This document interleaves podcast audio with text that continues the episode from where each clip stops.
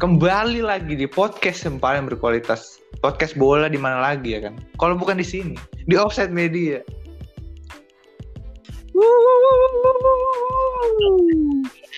Gak apa, gak apa-apa. Mantap, Gak apa-apa. mantap, mantap.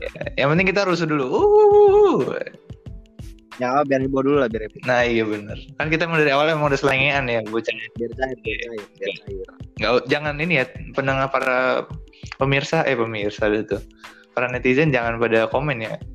Emang kita selengean gayanya. Ya enggak? Ya, emang gitu dah ya. Nah, hari ini Oke. kita syuting di sore hari yang sangat cerah, adem rasanya, nggak nggak terlalu dingin, nggak terlalu panas. Gue dan teman gue Zahran akan kembali lagi setelah kita setelah begitu lama vakum gara-gara ya gitulah satu dan lain hal dan terus Iya, terutama gara-gara sepak bola dihentikan. Kita juga miris sebenarnya. Kita mau nonton bola gitu kan. Betul. Ya, malah ada corona ya. Tapi kita doain semoga Yap. eh, Indonesia dan dunia bahkan cepat hilang coronanya. Amin. Amin, amin. Nah, jadi kita bakal mulai dari yang paling hot, yang paling anget-anget nih, yaitu final Piala FA antara Baru banget ya. Chelsea. Gimana nih? Dah, lu dulu deh yang ngomong, gue yang nyautin dah. Di gua nih kalau dari gua nih ya, dari gua. Dari lu. Gue pribadi sebagai fans Arsenal tapi kalau dari hasil ya, kalau kalau dua satu Arsenal juara pasti seneng kan. Iya dong. Apalagi kalau lu ngeliat musim ini Arsenal yang cenderung jelek Iya. banget masuk peringkat 8 ada kemungkinan untuk mereka main di Eropa nggak ada sama sekali Hmm. terus kalau dilihat dari hasil di Premier League di Europa League tapi bisa juara FA Cup ya kan ya lumayan Lumayan. Sebenarnya nggak mengecewakan banget gitu ya untuk raihan musim musim ini. ya enggak enggak enggak apa ya seenggaknya ada apa ada pegangan lah Eh tahun depan tuh bisa lebih banyak sih. bisa dari, lebih banyak trofi dari Spurs lah musim ini Ah, musim depan bisa masuk Liga Eropa nggak sih? dapat dapat. dapat kan FA Cup Oh iya, alhamdulillah. Iya, sebenarnya yang gue bingung tuh ini sih kan Arsenal di FA Cup juara berarti kan dia dapat Europa Iya. League kan. Itu kan otomatis berarti yang peringkat 7 Wolves berarti kan nggak dapat tuh. Karena kan dia yang peringkat terbawah dari yang dapat kuota jatahnya Europa Iya. League. Tapi kan Wolves kan masih di Nah, Europa baru League. mau kan. gue bahas. Makanya Kalau dia Wolves juara. bakalan ini sih, bakal mati-matian sih dia. Sekali sih iya, itu kalau dia juara berarti yang nggak dapat Champions League siapa? Yang- Chelsea dong. iya ya. iya Ya kan? benar-benar. Kasian juga ya. Itu makanya kan kemarin-kemarin pasti ada financial fair play kan pada ngamuk semua tuh. Hampir semua manajer tim kayaknya yang di di bawahnya City tuh pada ngomel. City sampai Burnley aja ikut-ikutan ngomel bahkan gue nggak tahu itu apa. Gak ada hubungannya gitu. Mungkin untuk menegakkan keadilan aja. Atau gini kan Burnley itu isinya orang kulit putih semua kan. Sedangkan ini orang ada orang Arab gitu kan dia kayak skeptis gitu lah. Mungkin aja, Ya nggak tahu juga sih ya. bisa jadi, bisa jadi. Pokoknya sotoin gue dong. aja sih. itu juga bisa jadi. Bisa jadi. Nah ini kita bahas Ya, kita ya bahas formasi tadi malam ya antara Arsenal dan apa Chelsea itu sama-sama menerapkan sih. formasi 3-4-3 bener gak? ya betul betul tiga empat Tiga. tiga. Sebenarnya kalau dari sisi permainan sendiri gue eh, apa ya nggak ada nggak dibilang impress juga nggak terlalu impress cuma Hmm. emang yang bisa dibanggain kali ini ya Arsenal juara dan hasil akhirnya doang soalnya emang ya seperti permainan Arsenal yang match ini ya kurang kreatif Ya seperti Arsenal pada umumnya lah ya. Emang kalau menurut gue sih menarik tapi emang counter attack-nya larinya tuh wah, berbahaya lah Arsenal tuh. Ini kalau lihat statsnya aja coba Hmm. lu stats lu gimana? Bener nggak nih? 357 pasnya dari Chelsea eh dari Arsenal. Bener nggak? dari dari Arsenal 357 dari Chelsea 546 sebenarnya masalahnya di sini ya kalau dilihat dari Chelsea-nya mereka tuh kebanyakan apa ya mereka tuh bisa ngalirin bola bisa bisa apa bisa bisa main possession lah intinya. Cuman end passingnya tuh nggak ada. Jadi kayak lu misalkan udah udah udah lu misalkan ngebuild up dari belakang nih belakang lu udah naik ke tengah tengah lu nyampe sepertiga eh, apa daerah Arsenal tuh lu bingung mau Iya. ngapain Dan kebanyakan lost ball di Itu situ terus di sini Arsenal main counter Ah, Jadi kalau sekali bola langsung di dengan- counter sama Arsenal gitu ya. Iya, dengan apa? Kalau otomatis lu nyerang kan berarti kan otomatis main lu ikut naik. Iya.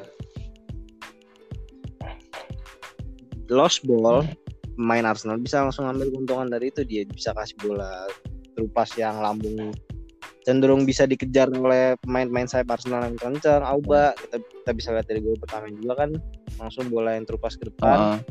dapat penalti langsung karena kewalahan ngejar nggak dapet dia. Jadi emang sebenarnya Dan pertahanan Chelsea tuh kewalahan banget sama yang model-model lari gitu ya. Mereka ruangnya kebanyakan dikasih banyak ruang gitu. Jadi ya gitulah. Jadi gampang lolos. Sedangkan kalau gue lihat sendiri yang Arsenal Iya tuh sih. namanya Pulisic. Lu lihat itu. Lu skip dah tuh di saat polisi Pulisic udah masuk ke kotak penalti. Hitung berapa orang backnya Arsenal di dalam situ. Ditambah sama DM-nya ada berapa polisi sampai lima orang di dalam situ. Dan itu semua mereka jajaran satu baris anjir. Gak ada yang mau agresif gitu loh. Hmm, bener-bener. Bahkan- pada nggak berani, pada nggak berani ngambil tindakan, takutnya jatuh. Polisi setara, Nah, tahu penalti. Setidaknya kalau gitu zona lincah juga dia. ya emang kualitas. Iya sih. Ini gue lihat lagi ada shoot outside of the box-nya tuh 6 banding 6 berarti sama-sama banyak outside apa namanya tendangan jarak jauh tapi untuk shooting on targetnya 3 banding 3 off targetnya 4 banding 3 menang Arsenal untuk gol sendiri 2-1 dan kalau dilihat nih foulnya itu 14 Chelsea. Bandingkan cuma 2 kalau menurut lu gimana nih? Apakah setelah Tuh. Ngaruh banget. ke permainannya? Agresif, agresif banget sih bener Chelsea itu bener-bener gimana? Kalau lihat Iya, perbedaan segala perbedaan juga kartu merah. Ya but ya itu cuma ada cuma ada satu kartu merah aja sih itu tapi ya apa ya? Bisa dibilang agak kontroversial sih kartu merah. Karena mungkin Chelsea udah uh, memprogram strateginya untuk 11 pemain gitu. Jadi kalau untuk ada satu kartu merah kayak mereka bingung sendiri mau kayak gimana atau gimana menurut lo? menurut gue ya nggak sebenarnya gue nggak tahu ya cuman kalau dari kalau emang lu lihat dari permainan tadi bahkan setelah eh Kovacic di kartu merah itu juga Arsenal tuh nggak nyerang sama sekali maksudnya benar-benar ya permainan mereka persis permainan sebelumnya ya. Persis permainan kayak yang 11 pas 11 sama 11 tetap lanjutin Counter attack gitu. lu main counter lu bisa main aman lah pokoknya lu lu ada peluang untuk untuk possession lu ambil. Pokoknya Arsenal tuh bener-bener main defensif. Pokoknya mereka udah udah nggak ngambil possession lah Chelsea. Tiba-tiba empat pemain masuk udah. Roy dan lain-lain itu buat gantiin polisi yang cedera. Terus benar-benar mereka udah masang empat main di dalam box dan masalah mereka tadi ya Iya. kurang kreativitas apalagi pas polisi keluar dan Butuh pemain kayak Willian ya. Kalau kita sering bilang tuh kayak pemain Brazil gitu yang bisa jadi pembeda, yang punya kreativitas atau enggak eh, apa ya? Otak-otak yang otak yang bisa dribble Iya, benar-benar. karena kayak model Pedro gitu yang kayak berani. Giroud itu bener-bener harus butuh makanan butuh disuapin gitu beda banget sama dan Lacazette yang Iya. lari modelnya. Tuh. Iya, betul, betul. sama Giroud tadi pagi tuh juga apa ya? Nggak terus gue lihat ini kayak maksudnya menit Iya. Giroud. Mungkin karena menit Arsenal udah ngerti juga kali ya Giroud kayak gimana mainnya. Kan mantan mantan. Bisa jadi. Bisa jadi sih emang benar-benar. Padahal gue inget banget tuh berapa tahun lalu pas yang Chelsea juara kan dia bilang si Giroud keluar dari Arsenal biar dapet trofi. Eh dapet trofi beneran. Langsung dia maki-maki Arsenal aja. Parah banget. Oh iya dia paling yang di bis dan di dalam bis tau gak lu Tega. Arsenal. Arsenal. Eh sekarang. Thank you Arsenal. Ketawa. Padahal jadi cadangan ya doi tapi emang salahnya Giroud salahnya apa ya? Tadi pagi tuh Giroud nggak dikasih pemain yang bisa build up berdua. Biasanya tuh Giroud bagus sama pemain yang bisa lu manfaat lu apa ya? Lu bisa bangun berdua sama pemain ini bisa tahu pokoknya lu udah koneksi lah. Karena kan Giroud tuh bagus contohnya? passnya kan. Oh, kayak Hazard bener-bener. semua kalau sekarang kayak Hazard siapa diobrak abrik banget. Tuh tahu sendiri kan Hazard first touch-nya Hazard Iya, tuh benar. gimana? First touch Hazard first touch first, first touch-nya si Giroud sendiri gimana? Sama polisi juga sebenarnya bisa cuman tadi kan ada cedera keluar jadi Benar, ya benar. gak beradul main sebenarnya ya itu sih kedua kedua kedua kubu sama aja sih maksud menurut gua nggak ada apa ya ya kurang kreativitas. Arsenal lebih efektif aja sih dapat peluang mereka bisa cetak dua gol. Makanya sebenarnya kan kayak gue liatnya Arteta kayaknya masih ngeraba-ngeraba juga ya nyoba-nyoba formasi yang cocok ketika tiga, tiga tiga atau formasi kayak gimana gitu. Sebenarnya bisa disesuaikan ya betul betul sama, sama intinya tuh kalau jenis lawannya atau enggak jenis Iya pemain sih. yang kira-kira misalnya kayak oh lu punyanya kayak model Auba, model Lacazette. Oh, berarti kita mainnya tiga striker atau kayak gimana gitu.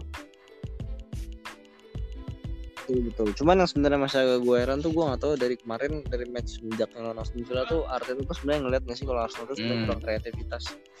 Maksud gue waktu lawan Watford dia nyoba main muda itu kan Willock cuman nggak nggak nggak terlalu berhasil menurut gue dia dia nggak bukan bukan Iya. main yang bisa diharapkan lah. Main muda tuh bagus Kurang spiritnya, tapi kurang stabil. Karena dia kayak bu- bukan yang jam terbangnya tinggi gitu loh. betul betul Kalau gue sih baca permainan Arsenal, eh apa Arteta ya. Kalau dia mau main 3 3 kayak gitu, dia tuh maunya main pakai wing yang cepet-cepet gitu loh, model kayak salah mana gitu. Jadi kayak waktu zamannya Liverpool tahun lalu, jadi kan pemain tengahnya itu bener-bener box to box, yang pekerja semua, yang otot-otot semua gitu. loh. Jadi kreativitasnya dia bangun pakai sayap. Gitu. Hmm. Kalau gue sih ngeliatnya gitu ya. Tapi emang belum sukses karena adaptasinya belum belum begitu baik lah. Dipaksa ngepres juga nggak ya?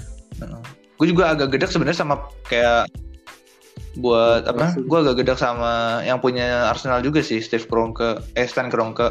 Sorry sorry. Nah dia tuh nggak nggak mau ngeluarin duit banyak tapi maunya Arsenal juara. Gimana ya?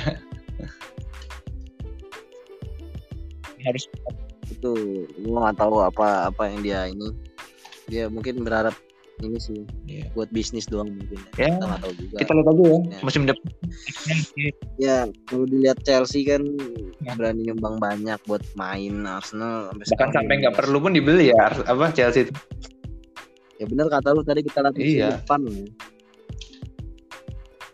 Chelsea kalau gue yakin sih Arteta bisa sebenarnya. Asalkan dikasih duit dia tuh bisa bikin tim yang sesuai dengan ya sebenarnya intinya tuh ya itu intinya ya mau di backup aja maksudnya kita bisa lihat dari Hmm, match ini lah benar. dia tuh bisa apa ya bisa bisa bisa Dengan- ngimbangin lah maksudnya pemain yang cuman emang butuh, butuh pemain jauh di bawahnya Chelsea dia masih bisa ngimbangin permainan Chelsea gitu.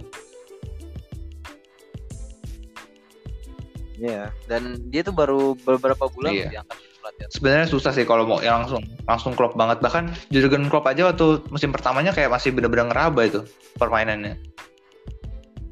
Nggak bisa. Klopp aja butuh lima tahun, Klopp tuh butuh lima tahun buat bikin Liverpool juara juara Premier Iya. League.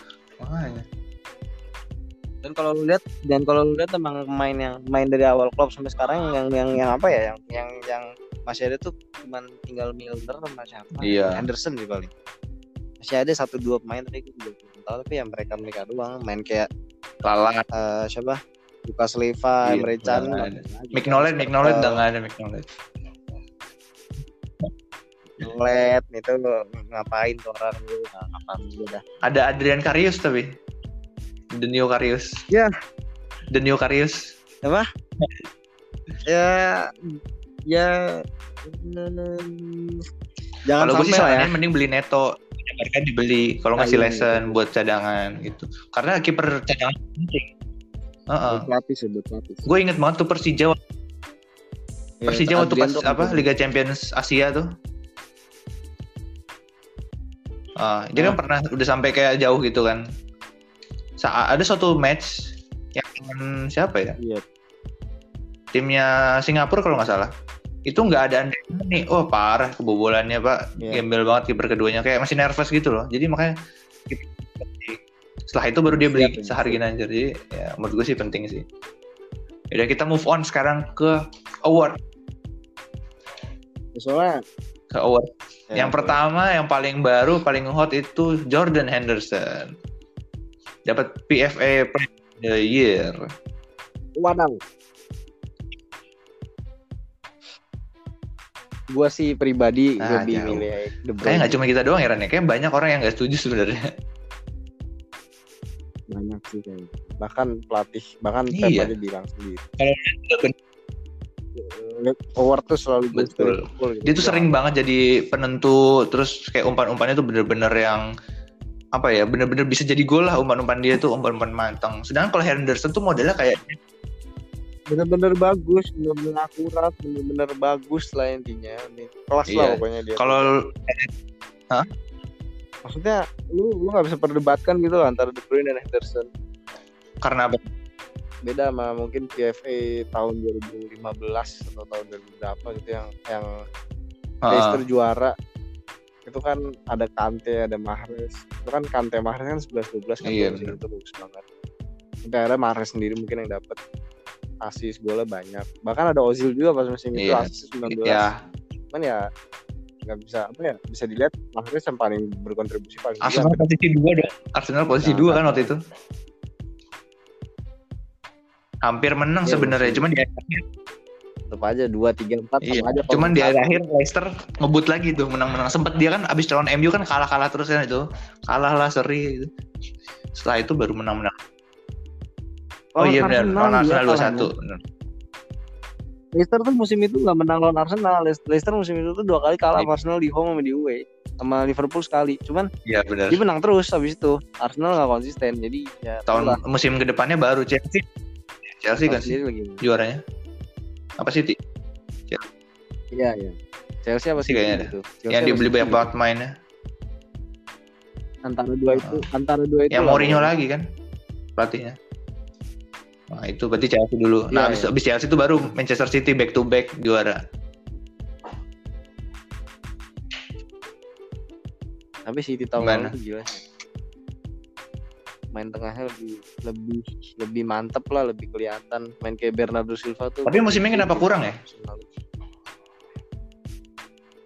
Finishnya di 100 poin. Gue juga nggak tahu kenapa maksudnya. Dari sisi permainannya juga nggak nggak. What's wrong with apa Pep Guardiola ya kemarin gue liat YouTube kayak gitu video YouTube apa kira-kira apa-apa aja yang bikin Manchester City kayak gini katanya sih murni form apa ya form pemain gitu kayak on fire atau enggak udah di luar strategi lagi Iya. udah bukan bisa nggak salah sih. strategi kalau strateginya harusnya masih Bener, bener. masih relate sampai musim ini masih sama Masih sama kan, kan?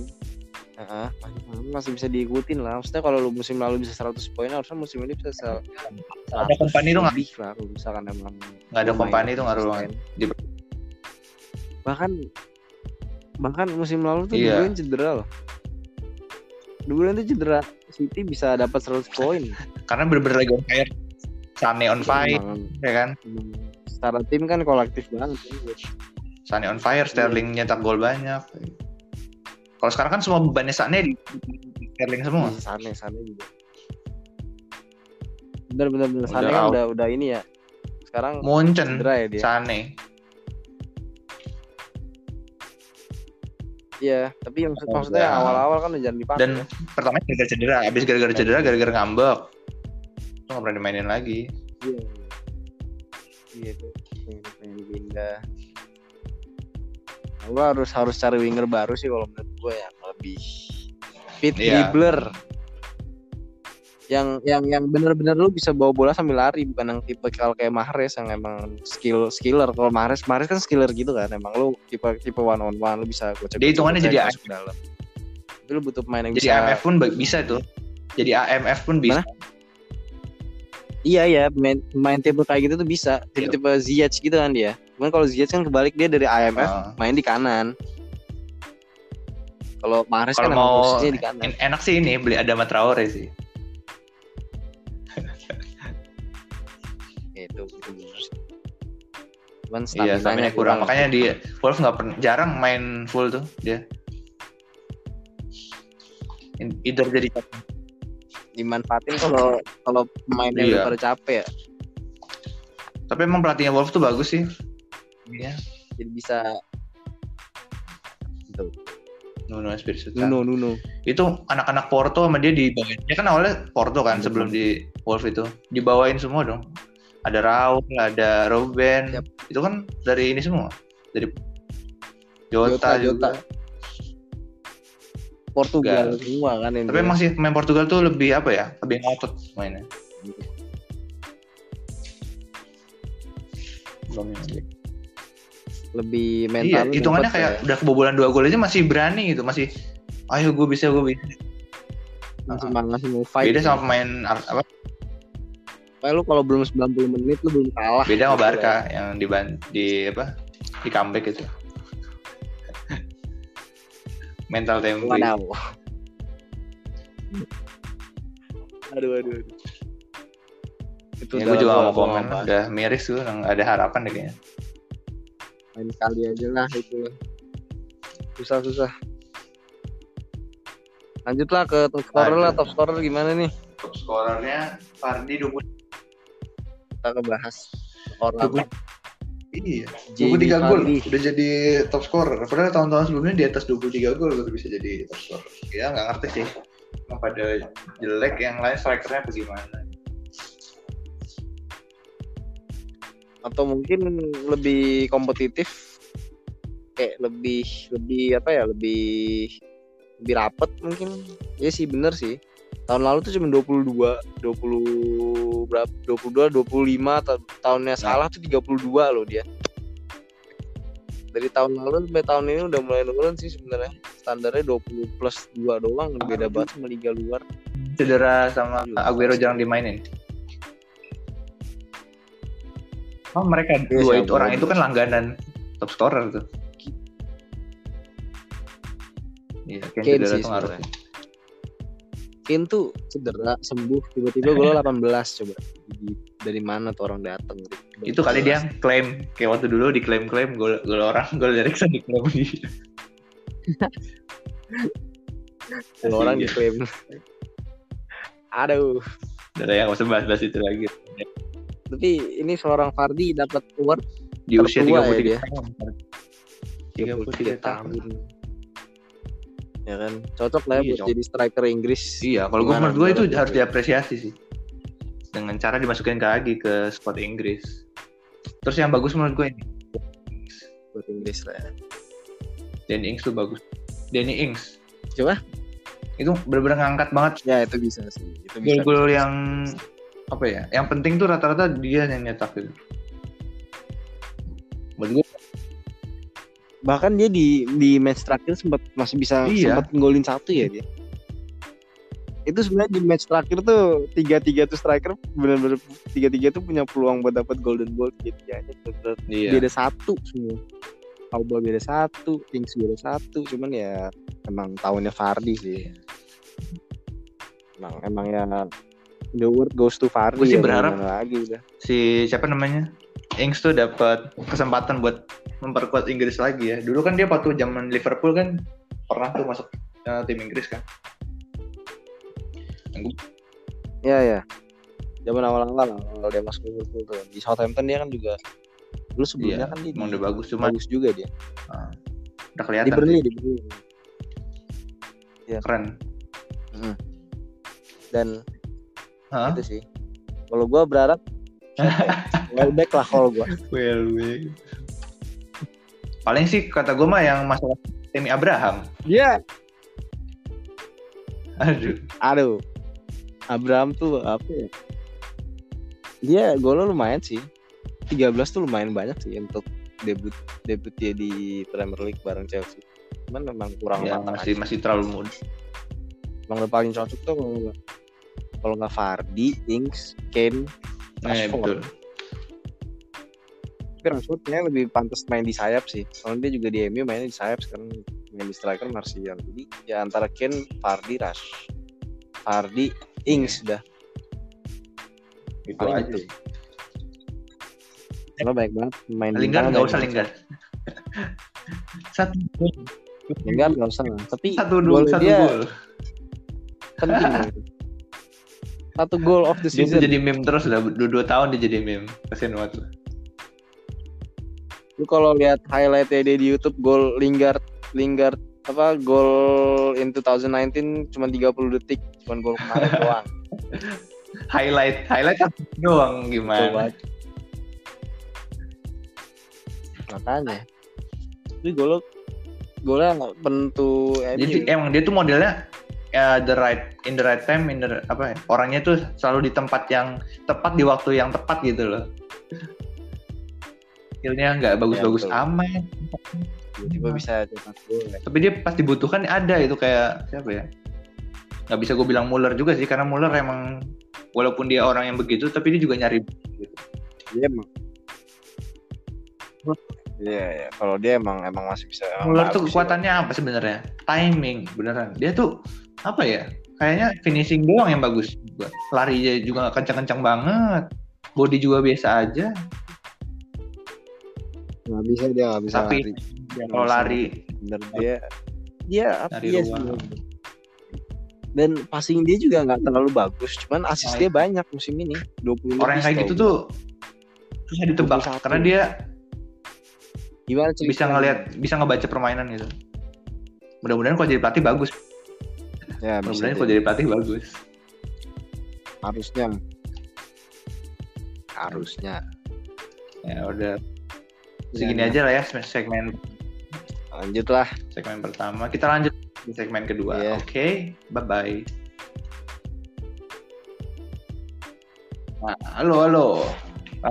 Di segmen 2 jadi di segmen 2 ini mau bahas apa nih Ran? Sekarang kita berarti bahas bahas apa ya? Gue lupa tadi. Oh ini.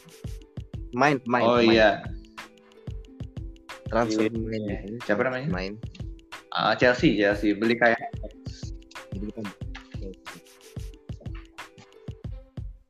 menurut gua ya maksud menurut gua kalau emang ya ini bukan yang benar-benar dibutuhkan. Cuman kalau emang buat nambah seseorang di lini serangan ya kenapa enggak gitu cuman sebenarnya yang lebih urgent tuh mereka beli back Nah. sama beli keeper musim ini mereka kebobolan 50 56 gol kalau salah. Itu kan benar-benar buruk banget. Soalnya top 6 tuh nggak ada yang Gue setuju. 56 gol. Bahkan sama Arsenal aja masih banyak kan Iya, Chelsea kebobolan.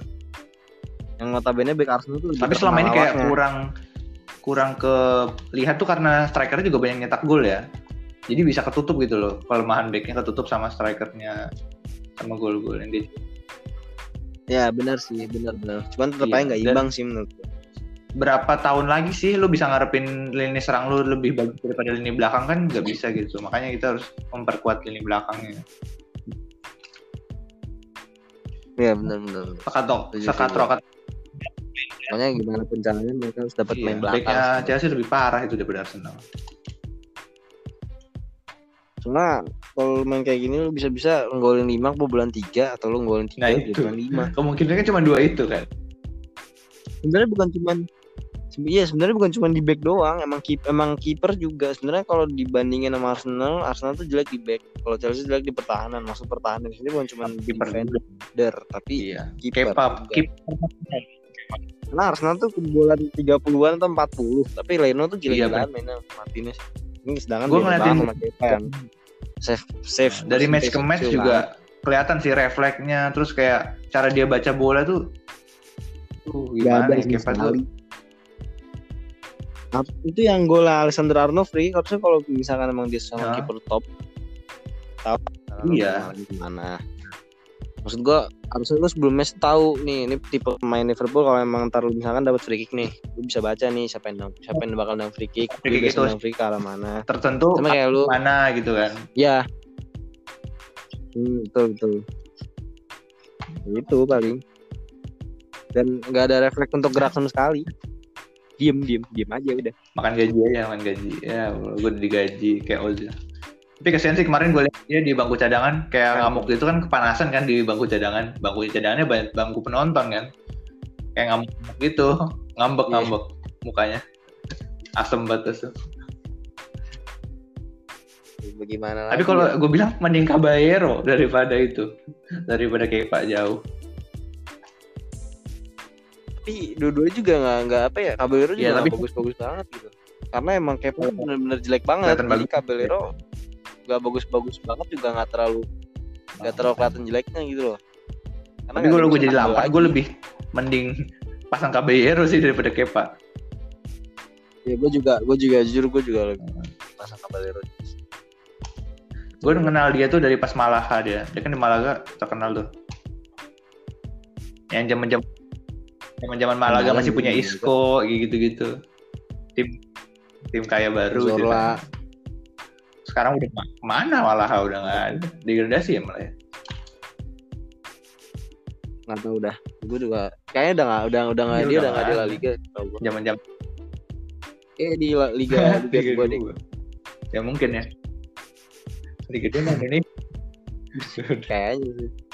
Indonesia Liga 2, Liga 1, Liga 2. ya buat buat para pendengar nih gue saranin sama Zahran ya eh, kalau mau lihat statistik yang bener-bener dalam ya yang kita tahu sih ada Whoscore namanya site-nya whoscore.com jadi di situ lu bisa ngelihat setiap match itu kayak gimana permainannya. Jadi kalau lu kurang tahu bola nih dengan di Whoscore tuh lu bisa tahu ya Karen Ya banyak banget sih. Kayak lu bisa tahu berapa banyak passing, bahkan passing yang detail kayak long long pass berapa, short pass berapa. Intercept ada, terus masing-masing main lo ada statistiknya kayak di match itu lu dribble berapa Dan- banyak, kita sih kan apa ngoper berapa kita sih mempromosikan jangan jadi fans kardus gitu lah ya yang cuma ngelihat hasil akhir skor doang. Lu harus lihat permainan dan segala macamnya. Karena emang sepak bola itu nggak bisa diukur pakai statistik karena dia emang faktor humannya tuh gede banget gitu. Betul. Tuh. Setuju gua. Nah, terus kita bahas apa lagi nih Ren? Tadi bahas transfer cuma Havertz doang ya. Oh, gue mau bahas ini. Eh, desas-desus Messi mau ke Inter.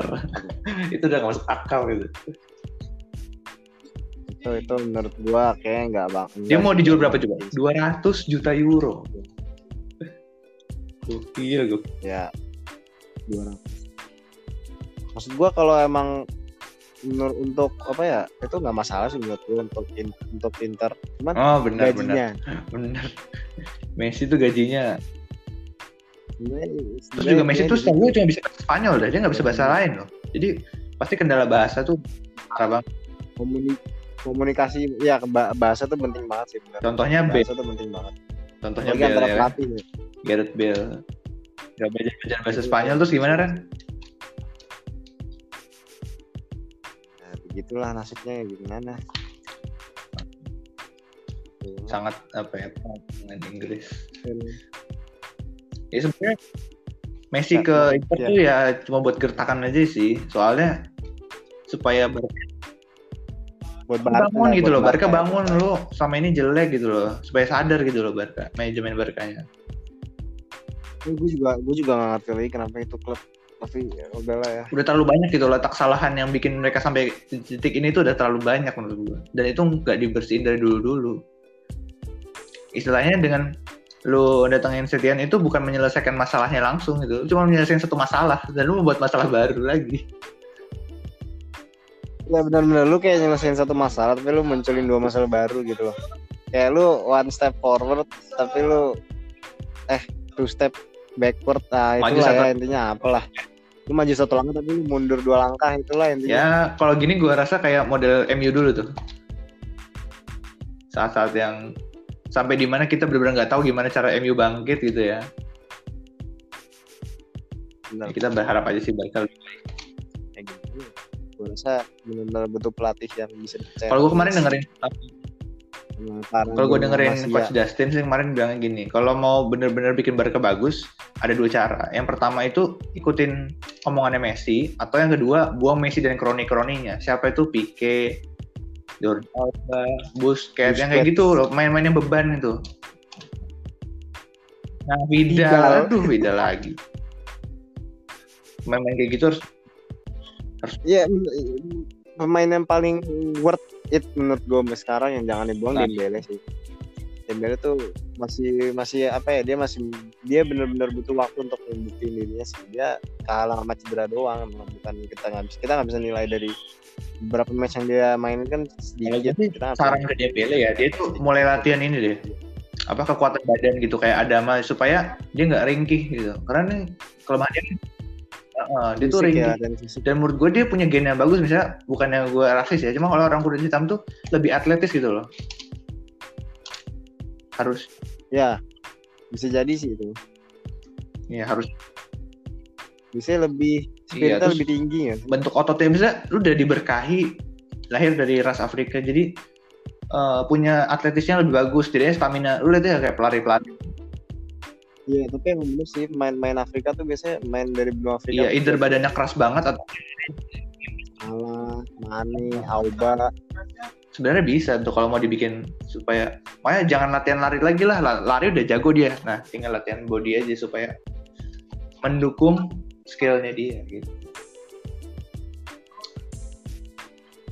nah, terus lagi. Paling itu sih. oh jersey jersey nah, gimana Iya. Dari dulu deh yang ngomong Iya. kan lebih banyak Gua gua untuk jersey gua tahun ini Ah, suka? Arsenal. itu jelas ya Arsenal kan gua belum tapi emang bagus, emang bagus, emang bagus. Di sini maksudnya lebih Iya. elegan lah dari musim lalu. kalau gue sih demennya ini ya buatan Puma ya ya? Dortmund. City oh bagus-bagus tuh corak-coraknya futuristik banget banyak banyak kreativitas ya banyak kreativitas. Nggak kayak Liverpool. Turun ya bu. Nggak kayak Chelsea Arsenal. Udah logonya jadi warna putih jadi kurang kayak kurang mahal gitu. Terus jadi polos kayak banget timnas. iya. Kayak timnas bener dah. Itu masalahnya campuran merah hijau itu udah timnas banget merah iya. hijau. 12 ya gue kemarin ngeliat jersey jersey Liverpool kok jadi kayak gini gue benar-benar yang gue liat pertama nih dari akun uh. akun apa Liverpool. Ini kenapa jadi kayak jersey Indonesia ya? Benar-benar kayak di set yang muncul tuh wah wah udah beda ada ini tapi jam ini langsung gue baca dokumen-komen nih Liverpool nggak akan juara pakai apa dengan baju kayak begini. Wadah langsung dibully. Tapi musim depan kalau menurut gue sih tetap City dan Liverpool ya masih tetap ini mendominasi tiga besar sih harusnya. MU bisa gak sih? mungkin bisa mungkin bisa. MU bisa kalau dikasih pelatih. kalau permainannya kayak akhir-akhir ini kalau permainannya kayak pertengahan musim lalu wah gue nggak yakin. Ya bener sih starting eleven itu harus di keep tapi lu nggak bisa terus ngandelin starting eleven sih. Maksudnya pemain tuh punya batasan Iya, juga. Lu nggak bisa terus. Mereka punya apa ya batasan stamina. Mereka ada waktu di mana mereka le- lelah lah intinya jadi fisik mereka nggak memenuhi mereka nggak bisa bikin passing bagus. Jelek lah. Beberapa match terakhir kan kayak gitu kan ya. Bahkan lawan Leicester aja gue penalti. Gue Lingard nggak ada yang murni Dari dari play gitu ya? yang gue suka sebenarnya di awal musim tuh gue udah ngeliat oh ini Southampton bagus nih. Gue liat soalnya track record pelatih Southampton yang dari Leipzig gue liat pas mainan Leipzig oh ini bagus nih orang. Dia mainnya direct football breaking lines dan something something yang baru yang revolusioner sebenarnya. Cuman kembali lagi kalau di Inggris tuh peraturan pertama adalah lu harus jadi tim kaya gitu kalau mau menang. Nggak punya Iya, duit iya. percuma ya. Kecuali zaman zaman Leicester ya itu one cuman satu kali lah dalam berapa puluh kesempatan cuma sekali doang bisa kayak gitu. Itu beda sih itu itu karena itu lu harus nunggu tim-tim lain juga cacat semua gitu baru bisa kayak tapi emang di musim di musim Leicester tuh emang apa ya Leicester tuh bener-bener di atas sendiri. Nggak tau kayak tiba-tiba Leicester tuh di atas aja gitu paling bagus sendiri. Bawa bawahnya udah gak jelas. Yang paling jelas Nah, Arsenal sama Spurs. Spurs coba bayangin deh yang yang jadi saingan Leicester siapa? Arsenal sama Spurs. Mana coba klub-klub kayak Iya. Chelsea MU City lagi pas jatuh-jatuhnya banget ya? Nah, ada pasti itu udah zaman Guardiola belum ya? Apa belum ya? Masih Pellegrini ya? City-nya belum belum masih Pellegrini tuh. Gue ingat Arsenal menang menang lawan Celta. Zaman-zaman Pellegrini isinya pemain Sevilla semua tuh. Ada Negredo ada Jesus Nolito aneh banget. Parah. Duitnya Makanya nggak duitnya banyak tapi habisnya buat main-main kayak gitu. Ya, bukan gue ngejek pemainnya ya, tapi untuk tim sekaya Mhm. City walaupun fansnya orang bilang fans goib lah dan segala macam, tapi dia punya duit yang bisa dipakai buat membangun tim gitu harusnya bisa. Dan keputusan tepat dia beli pelatih dulu sama kayak saat Liverpool bangun ulang timnya dia beli pelatih dulu. Nah, terus pelatih ya benar sih paling benar paling benar sebenarnya lu cari pelatih dulu karena kan lo harus nyesuaiin pemain sama, sama, Iya. sama yang diminta sama pelatih Nah kalau gue sebenarnya pelatihnya Southampton tuh bisa asalkan dikasih duit tuh dia bisa juga bagus. Dan kalau untuk spesialis apa ya spesialis kayak dokter tim lah dokter tim yang lagi gagal tuh menurut gue Pochettino sih. Dia kan hitungannya kayak sangat hemat ya. hmm. ya betul betul Tapi misalnya kayak apa dia dia sekarang masih ngelatih nggak sih? Fri? kayaknya belum ya belum dapet kan kemarin Belum. mau dihubungkan ke eh, MU mau gantiin Solskjaer tapi nggak jadi masih Solskjaer lagi jadi kita nggak tahu sih udah udah mulai naik. Kita nggak tahu sih benar. Gue juga belum bisa ngasih pendapat sih untuk Solskjaer tuh dia bagus atau enggak ya karena gue belum nemu kayak ini ritme dia tuh kayak gimana. Karena dia bener-bener reaction football. Apa yang dikasih lawannya permainan lawannya itu yang dia kasih counter misalnya lawan yang bener-bener main nyerang dia bakal bakal main counter attack yang pakai ruang banget itu karena kan kalau lawan main nyerang kayak City gitu kan backnya sisa berempat atau bertiga gitu kan. Jadi bisa di counter kalau lawan Burnley Iya, mereka bakal beda lagi. Kalau lawan tim apa pun beda lagi. Jadi ya itu sih. Dan kadang-kadang reaction football tuh lu hasil atau enggaknya Aston. Villa. Tapi menurut gua ke depan sih eranya era Klopp sih bukan era Pep Guardiola lagi. Permainannya harus lebih efektif nggak terlalu banyak Tapi gue nggak tahu ya. bola. Maksudnya gue apa ya? Kalau untuk musim depan gue masih megang Iya, Liverpool sama. sih sebenarnya. setidaknya walaupun nggak juara dia di atas ya Gue masih megang. Gue masih megang Liverpool. Tapi mungkin dia bakal dapat saingan yang lebih intens dari City mungkin atau eh gue nggak tahu deh kalau City gue bisa bilang cuman kita gue nggak bisa bilang dari awal sih gue harus nunggu lihat satu dua tiga match empat ya kita lihat dari Iya. konsistensi mungkin kita kalau mungkin lebih intens dari City Chelsea bisa kita paling. Tapi mungkin di, MU di match pertama atau kedua ya kita bisa ngasih prediksi kira-kira juara gitu ya. Betul betul. Oke lah nanti kita bikin konten berarti ya tentang prediksi. Bisa boleh iya. Boleh lah dicoba. Ya gimana nih? Lumayan. udah kelamaan nggak? Kayak udah kelamaan ya kita nih ngobrol-ngobrolnya takutnya pada bosen juga nih kalau dengar kamit mulu. Udah sih. Baca mantra. Ya. ya udah ya. Sampai jumpa lagi. Mudah-mudahan kalian semua para pendengar nih menjadi setelah dengar omongan kita nih setidaknya lebih teredukasi. Walaupun kita nggak sehebat coach Justin ataupun pelatih pelatih sana yang jadi pandit yang punya data setidaknya kita nggak terlalu fanatik misalnya kayak walaupun Zaran fans Arsenal ya dia benar-benar subjektif gitu. Eh sorry objektif dalam membedah sebuah tim. Nah dan ke depannya sih kita bakal ada konten-konten kayak strategi bola kita bedah strategi bola dan segala macamnya. Dan mungkin kita juga bakal ngundang narasumber yang uh, hebat.